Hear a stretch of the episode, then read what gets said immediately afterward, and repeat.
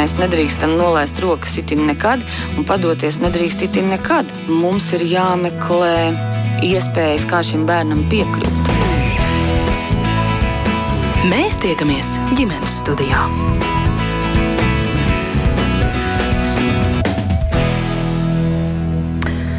Labdien! Priecājos sveicināt jūs visus ģimenes studijas klausītājus. Mans vārds ir Agnēs Linka, šī redzējuma producente ir Sarmīta Kolāte.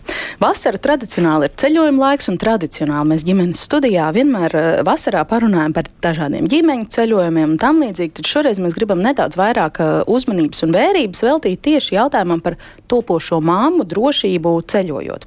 Kas tad ir jāizvērtē pirms plānot turismu vai atpūtas braucienus, kas ir paredzamie un kas neprognozējamie riski, vai un kā tos galu galā ir vai nav iespējams eh, samazināt. Par to visu sarunu šodien ģimenes studijā un tajā piedalīties piekritušas Veselības centra apvienības ginekoloģijas dienesta vadītāja Rīgas Stradiņa universitātes pasniedzēja Karolīna Elksne. Labdien! Labdien!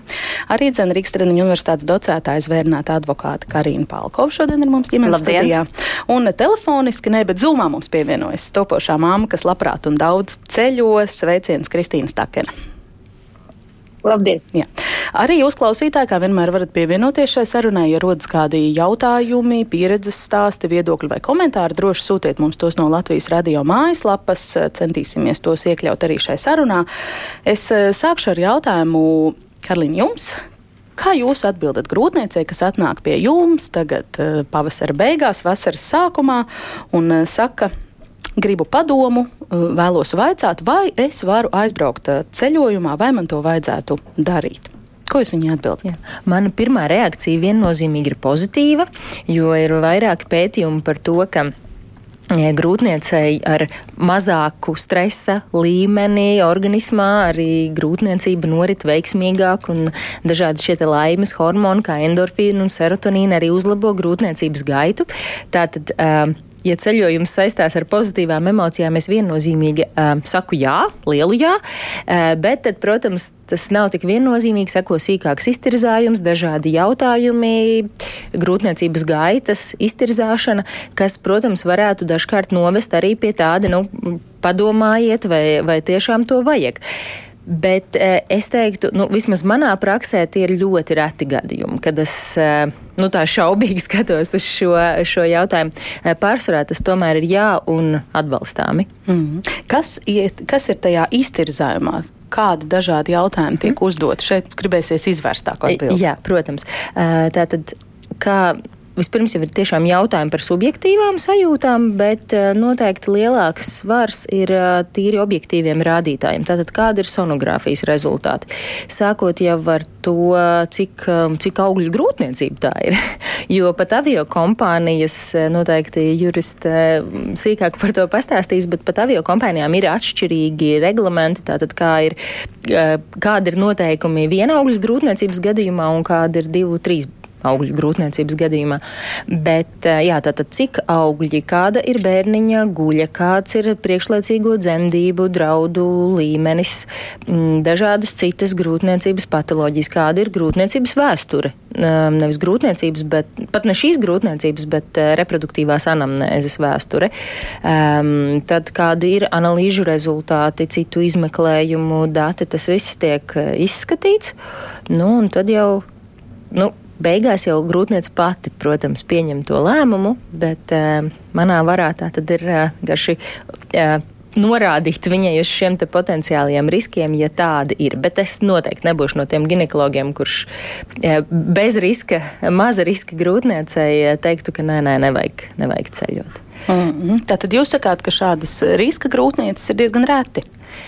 Eh, viņu paliek aizvien vairāk, jo mātes vidējais vecums pieaug, ķermeņa masas indeks pieaug, kas ir saistīts ar eh, grūtniecības risku. Tādiem faktoriem. Es teiktu, ka nevis uh, riska grūtnieces ir reti, bet riska grūtnieces, kuras vēlas ceļot, ir reti. Ah.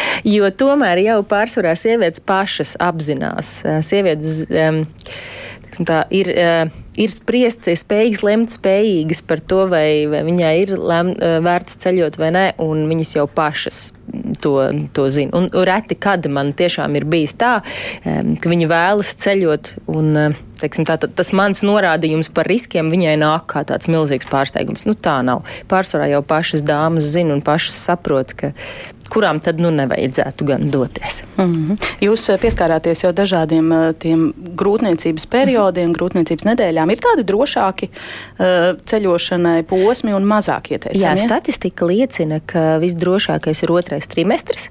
Nu, tā tas ir praktiski ar visu, ar kaut kādām medicīniskām manipulācijām, ar ķirurģiju, ar, ar, arī ar pašsajūtu. Tas otrais trimestris ir tāds uh, labākais laiks grūtniecībā um, arī no ceļošanas vietas viedokļa. Eh, jo pirmajā trimestrī, protams, ka neviens nevar garantēt eh, veiksmīgu grūtniecības eh, norisi tālāk, jo mēs zinām, ka pēc statistikas datiem apmēram nu, līdz pat 25-30% grūtniecība. Tad ir dažādas problēmas, grūtniecības pārtraukšanās draudi, un dažkārt tas absolūti nav paredzams. Jūs varat atnākt uz sonogrāfiju 7-8 nedēļās, nu, kad tā vidēji arī ierodas ap, apstiprināt grūtniecības faktu.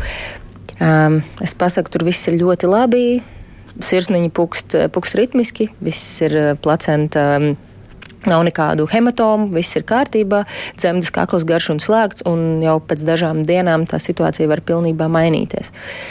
Tā kā jā, pirmais trimestris ir tāds, ka, nu, principā māmiņai ir ar diezgan lielu varbūtību jābūt morāli gatavai. Tāpēc, nu jā, pirmajā trimestrī es iesaku Protams, varat ceļot, ja vēlaties, bet noteikti laba veselības apdrošināšana, noteikti labs kontakts ar savu ginekologu šeit šeit uz vietas Latvijā telefoniski, lai viņš ir sasniedzams, lai var sniegt padomus jebkurā gadījumā. Tā kā nu jā, pirmais trimestris es tā mazliet eh, šaubīgi skatos, ņemot vērā to, cik daudzas grūtniecības, diemžēl, pirmajā trimestrī pārtraucas vai arī ir ar pārtraukšanās draudiem. Mm -hmm. Par trešo trimestru runājot, nu jā, tur ir um, pat ja mēs atmetam kaut kādus īpašus riska faktorus, vienmēr būs šī priekšlaicīgo dzemdību draudi. Tāpēc arī avio kompānijas neļauj ceļot pēc 36. nedēļas ar vienu augļu grūtniecību un pēc 32. ar daudz augļu grūtniecību.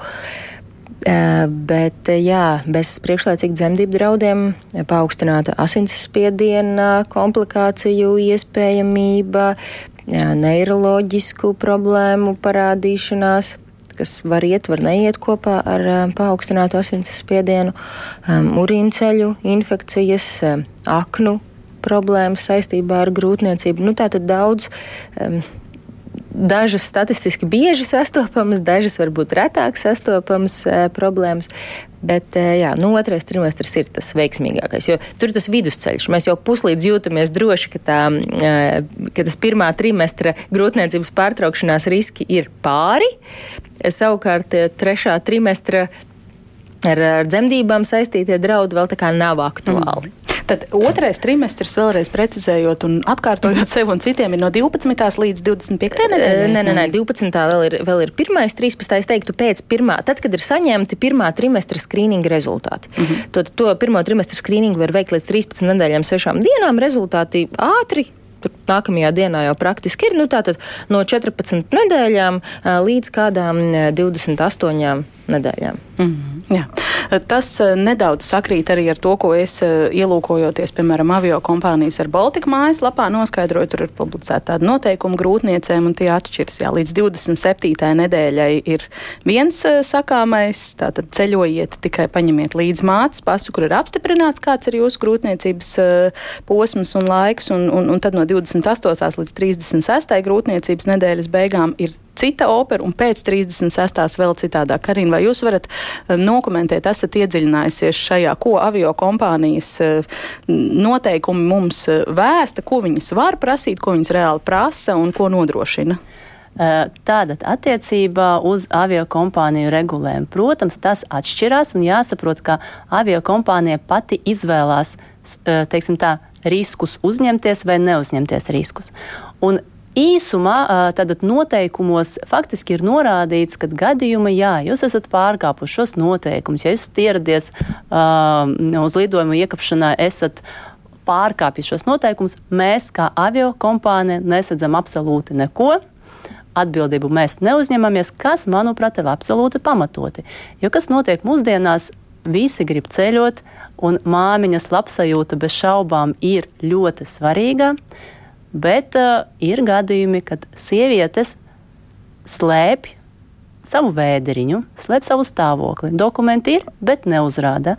Uh, arī ir gadījumi, ka tev uz kontrolas iekāpšana nevienmēr paprasa dokumentus, jo gluži vienkārši vēderiņš var būt mazs. Un, un, un līdz ar to gribu teikt sekojošo. Bērni atrodas mūsu vecāku aizgādībā. Mums pašiem ir jārūpējas un jāuzņemas kā vecākiem šī atbildība. Paskatāmies ANO bērnu teiksim, tiesību konvenciju. Paskatāmies bērnu tiesību aizsardzības likumu, starptautiskus dokumentus īstenībā un Eiropas un nacionāla līmeņa. Tur ir noteikts, ka primāras ir bērna intereses. Tātad faktiski bērna labākas intereses jāņem vērā ārstam, jāņem vērā arī uh, līdzsabiedrībai, jāņem vērā bez šaubām arī vecākiem. Mēs esam saprātīgas būtnes, un mēs saprotam, ka mēs riskējam. Un mēs nevaram īstenībā jau no viena mana ieskatā prasīt kompensēt, nerunāju par šo te, teiksim, tā, fizisko, naudisko, bet emocionāli, jo mēs paši piekritām apzinoties riskus. Un, tās ir bērna labākas intereses. Un es šo frāzi vienmēr paturu prātā, kad ir kaut kāda strīda, kur bērns ir iesaistīts. Es kā māte esmu padomājusi, kas bērnam ir labāk, vai es izvērtēju visus riskus.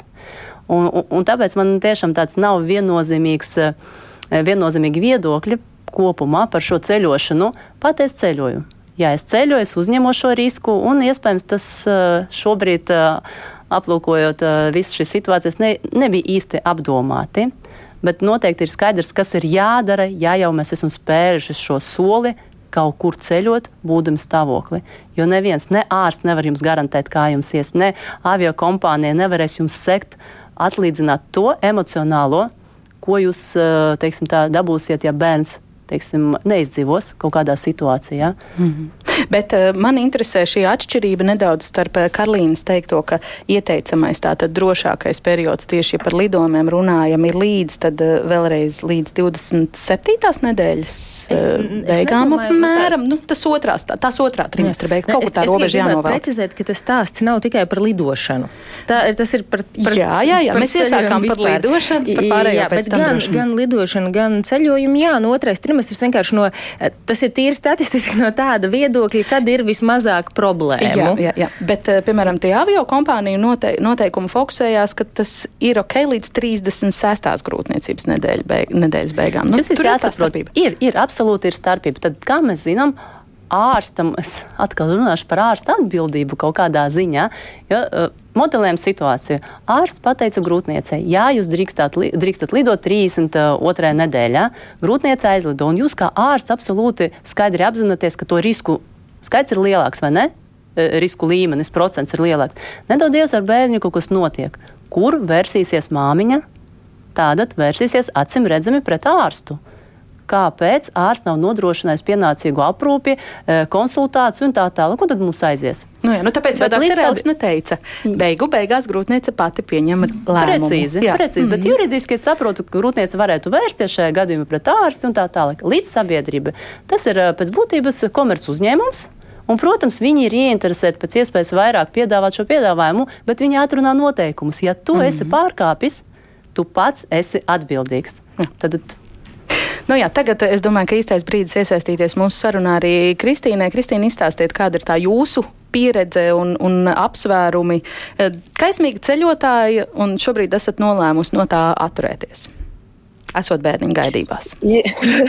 jā, nu, uh, tas jau pirma, pirmkārt jau kļūstat par mammu, un no tās pirmās, mhm, tā kā esot gaidībās, no tās pirmās dienas, tas, ko es sapratusi, ka pārsvarā tās ir kaut kādas bailes un nepārliecinātība visu laiku, kas tevi pavada un uztraukums par eh, ļoti daudzām lietām. Un tad ir arī tā otra puse, ka tu gribi dzīvot it kā to dzīvi, ko es ļoti pieredzēju darīt, respektīvi ceļot, braukt un, un būt un iet un darīt. Un tas pirmais trimestris, ja to sievieti, nu, vismaz arī manā gadījumā, tā nolika pie vietas, jau uz dīvāna lika saprast, ka ne tu celsies, ne tu iesi, tev ir slikti un nav spēka un nāk miegs. Tajā otrajā trimestrī tiešām ir tā, ka eh, tie spēki atgriežas un parādās un tu atgr un paliec tāds, tā kā tu esi savā ķermenī, vai ne? Un arī mēs ar vīru bijām plānojuši braukt uz uh, Tenerifi un un, un arī aizbraucām uz Tenerife. Diemžēl tur tas pasākums izvērtās visai nepatīkams, jo es uh, saindējos ar ēdienu, un it kā ēdu ļoti droši, un it kā labās vietās, un, um, un tikai to, kas ir atļauts uh, grūtniecībā, ja neko jēlu, neko tādu un šādu, bet Nu, vienalga, arī Tenerife, lai arī tā skaita Spānija, diemžēl tie var būt sanitāri apstākļi, vēl kaut kā nav tāda, kāda nu, mēs esam šeit pieraduši, jo Latvijas nekad neesam vajag saindēties restorānos ēdot. Nu, lūk, un, un, un tā saindēšanās, jā, izvērtās tādā ļoti nu, nepatīkamā pārdzīvojumā, protams, lielās bailēs par to, vai uh, arī šajā otrajā trimestrī šo grūtniecību pirmkārt izdevu, vai viņa, vai viņa saglabāsies, un otrs ir tev jāvēršās tur pie ārsta, un, protams, brīnišķīgi bija, ka man tā saziņa ja bija, bija arī ar to savu ginekologu šeit Latvijā, un tad ne pēc ārsta ieteikumiem, bet ar vīru nolēmām, nu, kamēr man nav slikti, un es neesmu līdz galam atkopsies, ka es palikšu Tenerifē vēl kādu laiciņu ilgāk, un, un pirkām citu biļeti. Nu, respektīvi, Tagad, skatoties, uh, liekas, pareizi, jā, ka mēs izlēmām, ka es palikšu ilgāk, bet vienalga atpakaļ lidojot, es kaut kā vairāk izjūtu gan tās spiediena maiņas, gan arī man tas, mm, kā, kā teikt, zārnu trakts vispār nebija vēl atkopies, un es lārstējos atgriežoties atpakaļ šeit Latvijā vēl labu laiku ar kādām īpašām diētām, lai atkoptos, un tā kā tas pārdzīvojums, ja man tagad jāatskatās, nebija tā vērts, jo tomēr tās bailes bija diezgan lielas, un tas, kas vēl grūtniecībā ir tā otra puse, liekas jau, ka tu vari lidot un skriet un darīt, un tiešām ir sievietes, kuras var to darīt, bet aizbraucot arī tur, uh, Es um, pirmajā dienā nesot izteikti saulē, noķēru gan saules dūrienu, milzīgas galvas sāpes, ar kurām mocījos pāris dienas. Nu, līdz ar to tas viss izvērtās tādā lielā murgā, un agrāk es varu noiet 20 km dienā, un tad kā lēnu garu mēs nostaigājām pa 10 km dienā, un saprotu, tas ķermenis ļoti, ļoti mainās. Un, un, un tu nevari sagatavoties visam, tu nevari izlasīt visu, un tu pirmkārt arī nezini, kā tos ķermenis reaģēs pēc lidojuma, kāds ķermenis reaģēs uz ēdienu un daudziem citiem apstākļiem. Līdz ar to pēc tam, tad, kad mums tagad bija jāizvērtē vai maijā, arī vēl šajā drošajā man laikā uh, lidot uz Portugālu. Un vīrs uzreiz pateica kategoriski nē. Es uh, vēl ļoti ilgi tielējos un teicu jā, ka mēs brauksim un, un ka viss ir kārtībā un man ir super daudz spēku. Viņš teica, nē, ka viņš nav gatavs iet vēlreiz cauri visam tam pārdzīvojumam. Un tik tiešām tas saka to vienu vakaru, kad uh, panorāmā ieraudzīja sižetu par dāmu, kurai priekšlaicīgi dzimta Turcijā bērniņš 26. nedēļā, un tas man tā kā tik stipri iesita pa sirdi, ka es sapratu, ka, nu, es otrais vairs nekur nelidotu nevienā no savām nākamajām grūtniecībām, un, un, un tā ņemšanās par to, citas lido, citas nelido, katrai jāklausās ir savā ķermenī, un man bija tie brīdinājumi tajā pirmajā lidojumā un pārbraucienā, ka es arī tagad šeit esot ļoti izvērtēju daudz vairāk, ko es daru, ko es ēdu, kur es eju un cik daudz eh, es to savu piepūli tajā visā lieku. Un ceļošana ir brīnišķīga, bet tā ir arī piepūle. Un tad jāizvērtē, vai tev svarīgāk ir šī grūtniecība bērniņš vai um, tas tavs ceļojums. Mm -hmm. Kristīna, grūtniecei saslimstot uh, svešā valstī, kas ir no svāra, kāda bija šī pieredze? Nu, pirmkārt, tā reakcija ļoti ātra ir. Kad jau sapratām, ka ir pagājuši pāris dienas un, un labi nav un labāk nebūs, un īsti pakustēties nevarēja, tad izsaucām ārstu, un ārsts viesnīcā ieradās burtiski 5-10 minūšu laikā. Nu, tas, ir, tas bija ļoti labi, nu jārēķinās papildus izdevumiem. Um, jā, nu, manā gadījumā, diemžēl šis ārsts, kurš ieradās uz slimnīcu ar roku, izrakstīja čeku, kur pēc tam nepieņēma apdrošinātāju. Nu, tā summa nebija tik pārmēru liela un tāda, tā kā mēs paši samaksājām, bet arī, nu, Eh, ja tev ierodas vizītē pie tevis uz viesnīcu, viņam nav nekāda čekmašīna līdzi. Viņš to nevar izsist kaut ko, ko tev tagad brīnumainā kārtā pieprasīs šeit Latvijā ārsti. Tie ir ārsti, kas brauc tās, um, no, no, no savām ambulancēm vai slimnīcām, viņi brauc uz viesnīcām vizītēs. Un tad viņš kaut kādu to kvītiņu izraksta. Nu, ko viņš tur izraksta? Nu, protams, var izskatīties, ka es pati sarakstīju uz kaut kādu super papīra, ja kaut ko. Un, nu, Tur var būt tāda nianses ar apdrošinātājiem. Nu, jā, nu, mēs paši samaksājām, apdrošinātāji nepieņēma šo kvīti. Nu, tā ir tāda mācība, nu, kur vai vajadzēja pēc tam braukt uz to slimnīcu un prasīt, lai jūs rakstat man tur kaut kādu čeku vai sazināties. Nu, beigās nu, izvērtās, kā izvērtās. Bet jā, tikām pie zālēm, tikām pie tās. Uh, pie, tā, pie, pie tās informācijas, kā, kāda medikamenta, kas ir jāiegādājas un kas ir jādara turpmākās dienas, lai situācija uzlabotos. Nu, un, paldies Dievam, nu, tā situācija arī uzlabojās. Nedaudz, nedaudz vēl turpināja mācīties Latvijā, bet tomēr labāk palika. Nu jā, vismaz tā medicīniskā palīdzība bija palīdzoša. Bez tās jūs nepalikāt. Jā, jā, jā. Nu, tā, palīdz, tā, palīdz, tā palīdzība noteikti bija. Paldies. Vēlāk ietīšu skābēdījā. jā. Jautāšu atkal dāmām studijā. Kristīnas stāstītajā klausoties, kaut kas, ko komentēt vai akcentēt? Jā, ja drīkst, tas varbūt mm -hmm. par, par to čeku un tā tālāk. Ir liela liela atšķirība, kur mēs braucam. Tā ir Eiropas Savienība vai ārpus Eiropas Savienības. Tāpēc pirmais, protams, braucot padomājam, Baltijas valstis, Eiropas Savienība, ārpus Eiropas Savienības. Ārpus milzīgāki riski, lielāki riski. Jo tomēr Eiropas Savienības līmenī šobrīd mums ir pārobežu veselības aprūpas regulējums, un tur ir daudz vieglāk saņemt o, atmaksas. Mums ir mm, ceļotājiem D karte pieejama, ja, tad, tad par čekiem. Gadījumā, ja pie jums nāk sniegt kādu pakalpojumu un čeku jums izsniedz ar roku rakstītu, ja tas ir iespējams, cik nu tas ir iespējams, maksājam ar pārskaitījumu, kā starptautisku maksājumu veicam, jo tajā gadījumā jums ir vieglāk pierādīt, ka tiešām jūs šo naudu esat uh, atdevis par šo pakalpojumu. Jūs tad apdrošinājumā piestādīsiet šo rēķinu, kurš iespējams izskatās apšaubāmi, bet jūs arī parādīsiet konta izdruku, kur jūs faktiski uh, norādat, kam un ko un cik jūs esat pārskaitījis. Tad šo gribēju komentēt, un es sev jā, piefiksēju tādu, kad jūs ceļojat topošas māmiņas, skatāmies apdrošināšanas līgumā. Paskatāmies, ko tad apdrošina, kāds ir apdrošināšanas objekts, tvērums.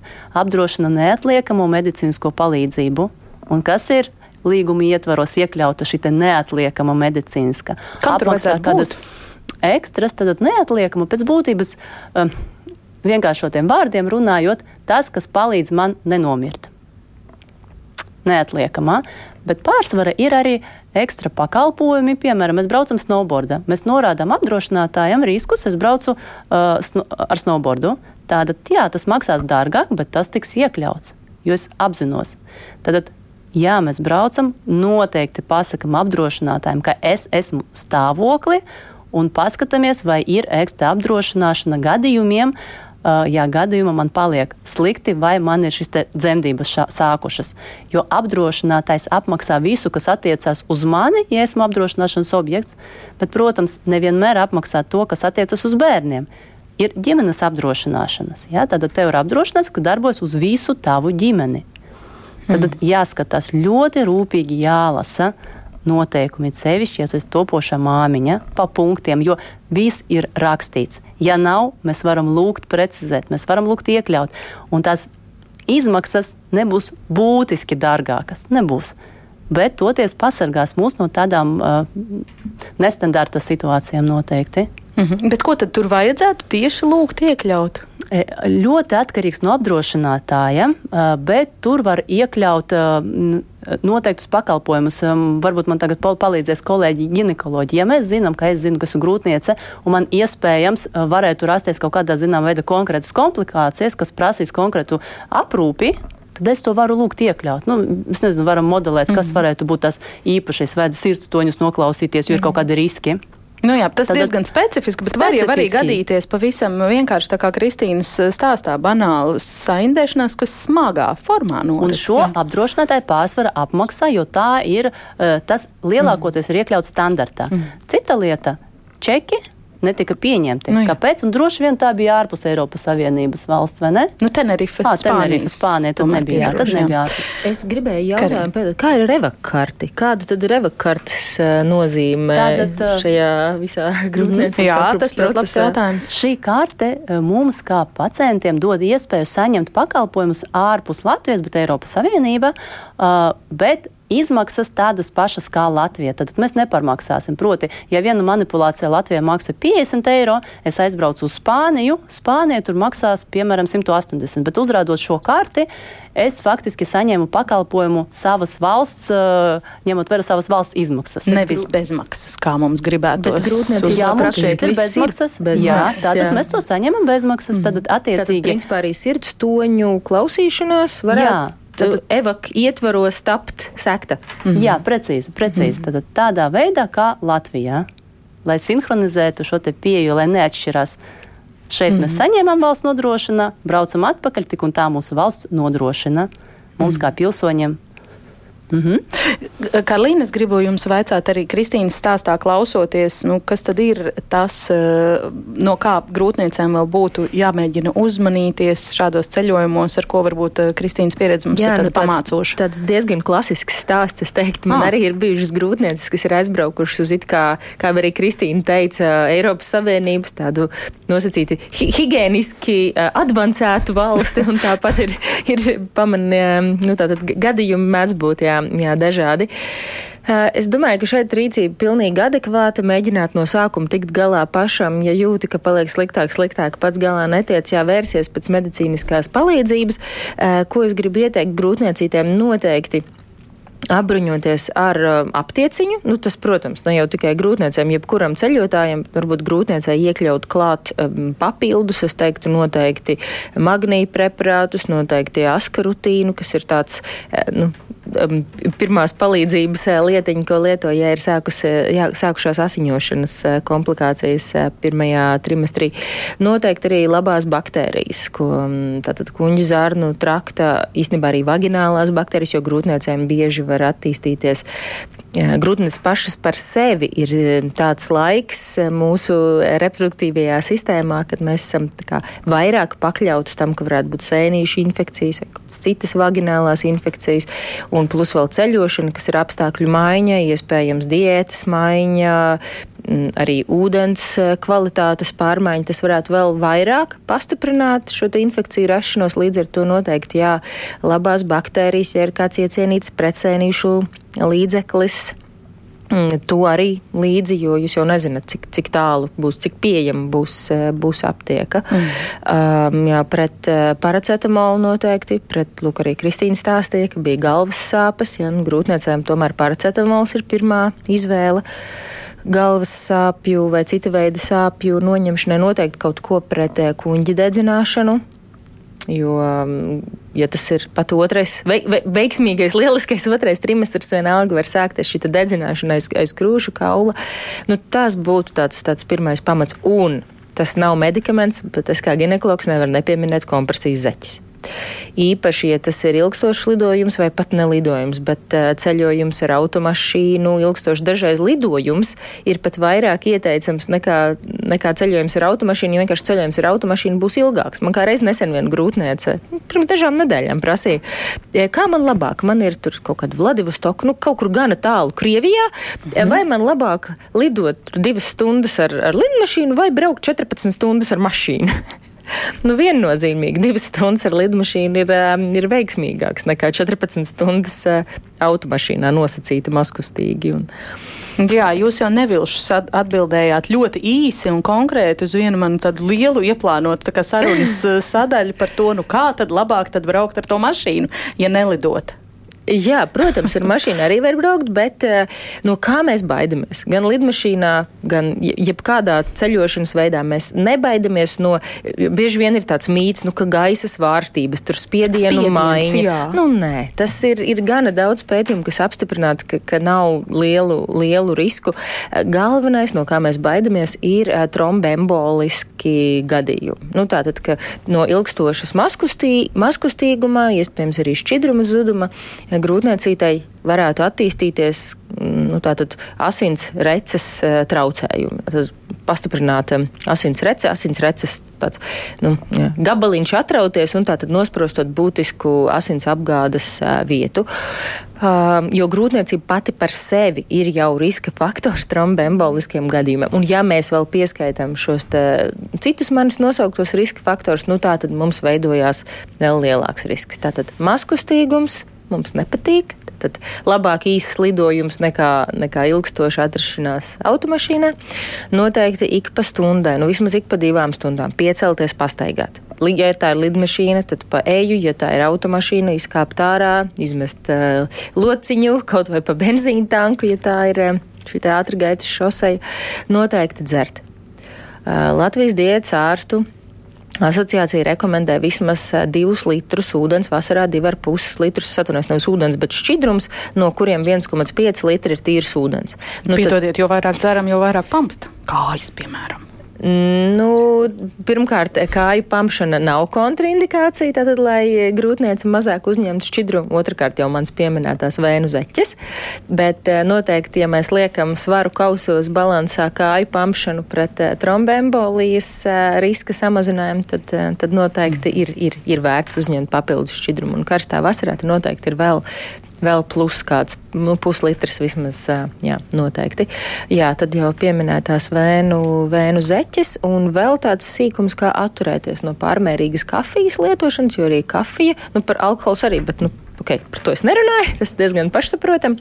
Bet, bet jā, kafija. Tad, ja vispār kopumā tiek rekomendēts līdz trim tasītēm dienā, tad uh, ceļošanas gadījumos nu, es teiktu viena, jo mm. kafija arī ir um, šķidrums, kas veicina organisma ūdens uh, zudumu. Jā, nu kā.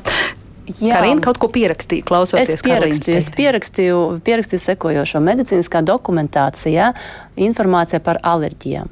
Eiropas Savienībā mēs braucam un pieņemam, ka visi runā angļu valodā. Tiklīdz mēs braucam kaut kur ārpus, nezinu, Filipīnas, Indija un tā tālāk, mums ir jārēķinās, ka ārstniecības iestādēs nevienmēr runās angliski. Tas ir pirmais. Līdz ar to mans ieteikums būtu tomēr ārstam pirms braukt prom palūgt informāciju par alerģiskām reakcijām, kādām īpatnībām, un šo, protams, primāri iztulkot angļu valodā, papīra formātā, e, jo nevienmēr ir pacientus runā angliski. Ja, arī šādi gadījumi ir. Tas ir pirmais, ko es gribēju teikt. Un otrais, ar ko biju saskārusies darbībā, medikamentu nosaukumi.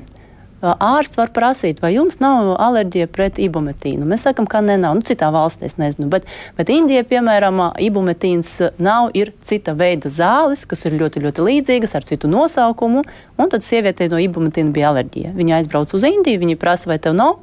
Viņa saka, nē, man nav alerģijas no šīm X zālēm, bet pamata jau bija šis ibuprofens, ja? vai kas mm, ir aktīva viela. Jā. Aktīva viela, respektīvi. Ja? Tad medicīniska dokumentācija tulkojuma angļu valoda it sevišķi ir kādi kādas alerģijas, lai ir papīra formātā, ko mēs varam iedot slimnīcā, un tad tur mēģinās uz mm. vietas mm. iztulkot. Mm. Jā, es ātri atgādināšu, ka ģimenes studijā mēs šodien runājam par to, kā topošajām mamām droši ceļot vai drošāk ceļot un vai ceļot. Un sarunas dalībnieces ir ginekoloģija Karolīna Elksne, arī zvērnāta advokāta Karina Palkova un uh, topošā mamma Kristīna Stakena. Kristīna, uh, klausoties uh, šeit studijā dāmu teiktajā, kaut kādi komentāri, atziņas, secinājumi rodas varbūt. Jā, nu, es, es domāju, ka viss ir vispār, vispār zināms jau par ko runā, gan par šo dokumentāciju, gan par to piesardzību, gan arī par to, ka aktieri arī ginekologi, kas uzrauga grūtniecis, ir um, pēc vislabākās sirdsapziņas, protams, uh, iesaka to, ko, ko var ieteikt, ko ir atļauts ieteikt. Un, un tā viena, viena atziņa, kas man gan šajā, šajā, šajā kompānijā, gan vispār ir tā, ka, nu, ir jāklausās pirmkārt sevi un pašam jābūt atbildīgam par, par, par to savu stāvokli, par to, kur tu šajā brīdī esi dzīvē. Un, tad to atbildību jau tu vari nedalīt un nenovelt ne uz vienu citu. Tas ir pats par sevi skaidrs, un tas arī pats pirmais. Un otrs, tas, ka nu, mēs arī paši esam atbildīgi par to, lai šo informāciju paši uzmeklētu, atrastu un uh, izzinātu visu, lai nebūtu nepatīkamas situācijas. Nu, to es arī varu novēlēt visām topošām mamām, nu, būt zināt kārām un, un negaidīt, kad kāds ieliks tev informāciju. Ar kuru karot mutē, jo es arī nu, mēģinot saprast, vai braukt vai nebraukt, vai vēl kaut kā, nu, nācies izburties daudz gan par apdrošināšanu, gan par dažādām situācijām, uh, kādas var būt un nebūt. Un, ar, protams, katra grūtniecība ir tik ļoti atšķirīga, tik ļoti citādāka. Un, un, un, un arī, kā jau jūs minējāt, ja šis vecums arī nu, ļoti maina, vai tev ir 25 vai 35 gadi, un tā ir desmit gadu atšķirība. Un, un tā tālāk, nu, katram ir jāizvērtē pašam, par ko viņš ir gatavs maksāt par savu ceļošanu vai neceļošanu, vai tā būtu mašīna, vai tā būtu lidmašīna un tā tālāk. Un, un, es varu tikai pateikt to, ka ir grūti pārstartēt, pārstartēt savu smadzenes un saprast, ka tev ir jādomā ne tikai par sevi, bet vēl par vazu tādu dzīvību. Viņa tevi, sevišķi sākumā, kad vispār vēl nejūti tās kustības tā tālāk. Un, jā, nu, es gribu teikt lielu paldies dāmām, paldies mediķiem, paldies apdrošinātājiem, arī, kurus es Latvijā dzirdēju vairākus gadījumus, nu, viņi diezgan atsaucīgi ir arī par to, es gribētu teikt, jauno vecāku neatbildību vai bezatbildību vai pusatbildību, kas ir tiek uzvelta uz mediķiem un, un citiem, citām kompānijām. Tā kā vecākiem jābūt pašiem atbildīgiem. Mm, jā, ne, nešaubīgi, bet teiksim, jūs šajā ceļojumā uz Tenerifi dodoties, jūs izvērtējāt kaut ko īpašu tieši ceļojuma apdrošināšanas pakalpojumā? Es pārliecinājos, es pārliecinājos, ka grūtniecība tajā iekļaut. Tas arī bija viss. Nu, neko tādā pētniecībā baigā neieslīgt. Teiksim, tā. Nu, tagad arī klausoties, liekas, jā, nu, loģiski vajadzēja maksāt ar karti, bet mums tā kā nepiedāvāja to variantu, un, un, un mēs arī samaksājām. Un tas uztraukums ir pilnīgi cits, un tev tās sāpes pilnīgi citas, un tam dzīves biedram tas uztraukums, līdzuztraukums arī ir pilnīgi cits. Tu vispār nedomā par to, tagad maksāt ar karti vai maksāt bez kartes vai ar globus, un tu, tu nevari izdomāt to visu. Mm. Jā, Karina, laikam, gribēja ko papildināt. Jā, un, un arī jūs minējat, ka bija iekļauts punkts grūtniecība, vai ne? Bet mēs tik ļoti reti palūdzam papildus informāciju, kas ir iekļauts punkta grūtniecība. Un, manuprāt, arī mm. mums tas ir būtiski, kā, kā topošai māmiņam pajautājam, nosūtam ēpastu, pieprasam papildus informāciju, ja tas nav apdrošināšanas līguma, vai mums kaut kas nav skaidrs. Un vēl drošības pēc mums ir jautājums, vai tas mums tiks atmaksāts gadījumā, ja kaut kas notiks. Protams, grūti iedomāties, kas var notikt, bet tas pamatlietas pēc uh, pēdējā. Uh, Teiksim, tā laika gadījumiem ir skaidrs? Mm. Un tāpēc interesējamies, izpētam, atkal bērni intereses. Mm. Jā, pirms pusotra mēneša dienas kārtībā nonāca un mūsu visu, es ticu, domās un prātos, kā jau arī Kristīna pieminēja uz brīdi, uh, uzplaiksnīja šis stāsts par kādu latviešu ģimeni, kas nonāca grūtībās meitiņai priekšlaikus piedzimstot uh, kurortā Turcijā atpūtas brauciena laikā, un ģimenes studijā izdevās sazināties ar tēti Kristapu, uh, lai pavaicātu, kā viņiem šobrīd veicas un kādi ir viņu secinājumi pēc notikušā. Paklausīsimies Lūk Kristapa teiktajā. 8. aprīlī bijām nolēmuši doties nedēļu ilgā atvaļinājumā uz Turciju. Pirmajā sanāk atvaļinājuma dienā um, sākās uh, sievai veselības problēmas. Kā rezultātā tika veikts uh, ķēzargrieziens un piedzima meita. 26 nedēļas bija tas laiks, kurā piedzima meita. 26. nedēļā. Sanāk, tā bija piekdienas diena, kad mēs lidojām. Tajā pašā nedēļā, pirmdienā, tātad četras dienas iepriekš, jau bija pie um, ārstējošā ārsta, kurš viņu uzrauga, tika veiktas uh, pārbaudes, nekādas problēmas netika konstatētas, viss bija kārtībā.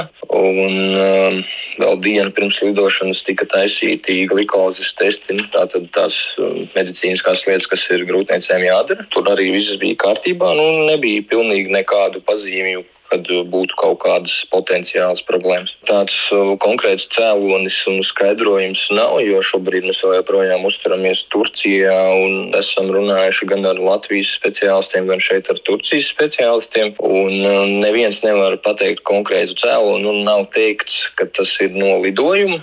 Tas varēja notikt vienalga pastaigājoties vai guļot gultā arī uz vietas Latvijā. Nu, tas vienkārši tā tas notika. Kā šobrīd mazajai veicās? Kāda ir tā jūsu situācija? Es saprotu, ka labā ziņa ir tā, ka līdzekļu pārbraukšanai atpakaļ mājās ir savākti. Ja? Uh, jā, paši bijām ļoti pārsteigti par cilvēku atsaucību. Uh, šobrīd līdzekļi ir savākti, šobrīd aktīvi noris komunikācija ar ārstējošo ārstu un ar um, pakalpojumu sniedzēju. Tātad avio kompānija, kas veiks šo lidojumu. Un šobrīd izskatās tā, ka pēc nedēļām divām mēs uh, lidosim mājās. Kas to nosaka, kad jūs varēsiet atgriezties? Principā tas uh, galvenais kriterijs, uh, cik es saprotu, ir bērnu svars. Tā tad ir nepieciešams sasniegt vismaz to pusotru kilogramu, lai tas būtu maksimāli droši. Un šobrīd mēs esam ļoti tuvu tam svaram. Tad ārsts grib, lai bērns elpo pats, jo šobrīd ir palīga elpināšana caur degunu. Trīs nedēļas nav tas ventilators mutē, ir elpošana. Bērns spēj pats, vienkārši ir tas palīgs caur degunu. Un ārsts grib, lai spētu pastāvīgi elpot kaut kādu konkrētu laiku un lai būtu tas svars. Nu, es tā saprotu, ka tie ir tie galvenie kriteriji, kad varēs lidot. Vienīgais, ar ko mēs šeit varam sarunāties, ir ārsts, jo māsiņām un pārējiem medpersonālam ir valodas robeža. Tad tikai Google Translate mums palīdz, un uh, man nav sliktu ziņu. Teiksim tā, no visiem scenārijiem šobrīd piepildās tikai labākais scenārijs no veselības viedokļa. Vai jums ir iespēja visu laiku būt klāt bērniņam? Nē, šeit konkrētajā slimnīcā, kur mēs šobrīd atrodamies, mēs varam iet tikai trīs reizes nedēļā. Tā reālā kopā būšana ir, nu, pieņemsim, šodien mēs bijām, tas bija tieši 9 minūtes. To droši vien tā ļoti smagi ir. Nu, jā, protams, tagad jau ir pagājis laiks, un esam apraduši un samierinājušies, kad ir tā kā ir. Vienkārši šobrīd tās mūsu lielākās bailes, jo nu, šajā situācijā arī ārstiem nedaudz dalās viedoklis Latvijas speciālistiem un Turcijas speciālistiem par to nu, iespējamo transportēšanu. Piemēram, Turcijas ārsts mums ir pateicis, ka jā, tur bērniņš tiek izrakstīts, četras dienas jūs pasēžat mājās un lidojat ar parastu avio reisu. Bet nu, tas ir, manuprāt, pārāk liels risks. Un, nu, vismaz, cik es esmu runājis ar Latvijas speciālistiem, ka tas tā kā īsti nebūtu laikam pareizais risinājums. Tos uh, nemācīšu teikt, kā ir pareizāk. Nu, es laikam uzticos šobrīd vairāk Latvijas speciālistiem. Tāpēc, jā, tika vākta tā nauda tam evakuācijas lidojumam. Tas arī ir drošākais veids, kā to bērnu transportēt tīri racionāli, vai jums ir uh, izkristalizējies kaut kas, ko jūs, teiksim, būtu varējuši darīt citādāk, kas būtu samazinājis tieši to finansiālo sitienu un smagumu? Jā, ziniet, tā situācija ir tāda, ka um, nu, kā mēs zinām, nav iespējams apdrošināt personu, kurā nav dzimusi pirmām kārtām. Noteikti individuāli no katra apdrošinātāja, bet, manuprāt, var apdrošināt tikai bērnu, kurš ir sasniedzis sešu mēnešu vecumu, jebkurā gadījumā. Mūsu scenārijs ir um, pieņemt, ka Nav daudziem pieredzes Latvijā ar tādu, varbūt mēs esam pirmais gadījums, jo mēs esam Turcijā un tā nav tā tad Eiropas Savienības valsts. Un tā apdrošināšanas sfēra tieši saistībā ar šo, nu, manuprāt, viņa vienkārši nav līdz galam sakārtota un vispār sabiedrībā nav pietiekami daudz informācijas par to, kādi riski pastāv grūtniecēm ceļojot. Varu pateikt, ka es esmu lidojis vismaz 20 lidojumus pēdējā gada laikā pa visu pasauli. Jā, es pievēršu uzmanību, cik reāli daudz grūtniecis ceļo. Nu, viņas ceļo ļoti daudz, un es vienkārši domāju, cik daudz no viņām vispār apzinās riskus, kādi viņi ir. Un tas ir vienkārši, manuprāt, tā lieta, kuru vajadzētu nedaudz pakustināt un sabiedrību informēt par to, ka nu, tādi riski pastāv. Ja jūs nolēmjat ceļot, tad nu, vēl vairāk vajag izvērtēt galvenmērķi, kur jūs ceļojat vai tā ir Eiropas Savienība. Jo, ja tā būtu bijusi Eiropas Savienība, tad tā situācija būtu pavisam savādāka, nu, tīri finansiāli. Tas arī varbūt varētu būt laikam, tas galvenais jūsu ieteikums citām topošajām ģimenēm, topošiem jaunajiem vecākiem. Nu, jā, pirmkārt, es uh, gribētu ieteikt uh, izvērtēt visus riskus, konsultēties ar speciālistu, kurš uh, mācīs pateikt, kādi riski pastāv. Un viņi pastāv vienmēr un visur. Neviens nevar paredzēt, jo šajā gadījumā arī mēs bijām tie, kuriem ginekologs bija teicis sievai, ka reti redz tik perfektu grūtniecības gaitu, jo nu, nebija vispār nekādas problēmas sievai un vispār nekas neliecināja, ka kaut kas tāds varētu notikt. Un tad, jā, nu, tas galvenais, ko es gribētu pateikt, ir, lai izvērtējat riskus. Un, ja jūs esat gatavi šos riskus uzņemties, tad otrs ir izvēlēties galvenmērķi. Jo, nu, būsim reāli, mūsu garajā ziemā, mūsu garajā rudenī cilvēki grib um, sasildīties, cilvēki grib atpūsties. Uh, kādi tad ir tie reālie galamērķi par adekvātām naudām mūsu ziemās? Tās ir Eģipte, Turcija un tā tālāk. Tās visas valstis neatrodas Eiropas Savienībā, un ja kaut kas tāds notiek, notiek šajās valstīs, tad tā situācija var izvērsties ļoti, ļoti sarežģīta. Vai jums ir kaut kādas aptuvenās aplēses, cik līdz šim brīdim apmēram visa uzturēšanās Turcijā jums ir izmaksājusi? Mums ir tā situācija tāda, ka mēs varam teikt lielu, lielu paldies mūsu apdrošinātājiem, kas ir izskatījis mūsu gadījumu teiksim, tā, izņēmumu kārtā. Un mums apdrošinātājs ir uh, apņēmies sekt visas um, bērna uzturēšanas, ārstēšanas izmaksas šeit, Turcijā. Tātad to mums beig beigās sedz apdrošinātājs. Bet nu, tā mūsu pieredze ir tāda, ka šeit nav kaut kādas noteiktas likmes cik ir nepieciešams maksāt par bērnu uzturēšanu inkubatorā. Jo sākotnējā cena, ko man teica, bija 1000 eiro dienā, un tas termiņš prognozētais pēc prakses rāda, ka tas ir nu, principā ap deviņām nedēļām. Un otrs stāsts ir par to, ka pēc tam tāpat tas bērniņš ir jādabū mājās, un tās ir vēl papildus izmaksas. Un, un, un, nu, labi, beigās bija tā, ka paldies uh, cilvēkiem paziņām, kuri palīdzēja atrast kontaktus šeit, Turcijā uz vietas, un mēs vienkārši atradām atradām citu slimnīcu par uh, krietni savādāku samaksu, ar krietni savādāku attieksmi, labāku. Mums, teiksim, tā tas stāsts, uh, es esmu simtprocentīgi pārliecināts, ka būs ar laimīgām beigām.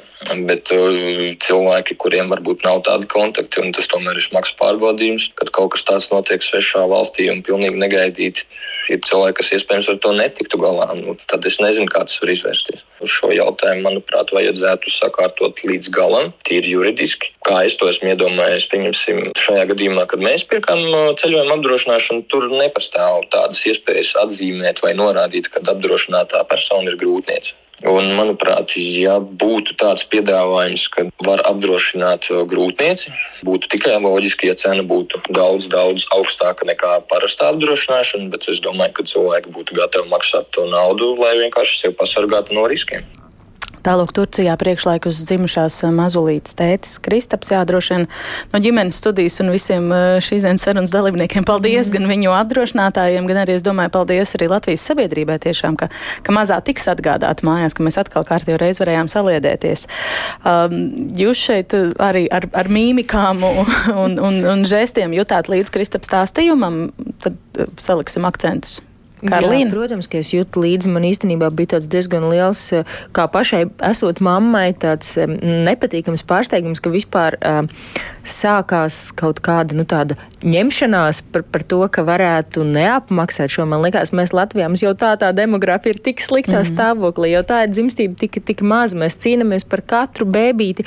Un te nu rekur ir tas latviešu bēbītis un, un vēl pastāv kaut kāda varbūtība, ka netiks apmaksāta mm -hmm. šī uzturēšana uzturēšanās un ārstēšana, man likās tas diezgan, diezgan nepatīkami tāds, tāda varbūtība vispār parādījās. Bet ir pozitīvais scenārijs. Bet ir pozitīvais scenārijs. No par ko viedokļi kaut ko komentēt. Jā, es, es gribēju jā. nokomentēt, ka mm, tētis jau ļoti pareizi pateica, ka doktori teica, ka viss, viss ir kārtībā. Perfektā grūtniecība. Jā, jā, perfektā grūtniecība. Un tieši tā tas arī notiek. Jo, ja tā būtu neperfektā grūtniecība, viņi visticamāk nebūtu nekur braukuši. Mm. Un no medicīniskā viedokļa pat ultrasonogrāfijas protokolos ir atruna. Ne viss ir redzams uh, ultrasonogrāfijā, ne viss ir iepriekš iepriekš paredzams. Ir, ir lietas, ko mēs neredzam pat līdz pēdējiem.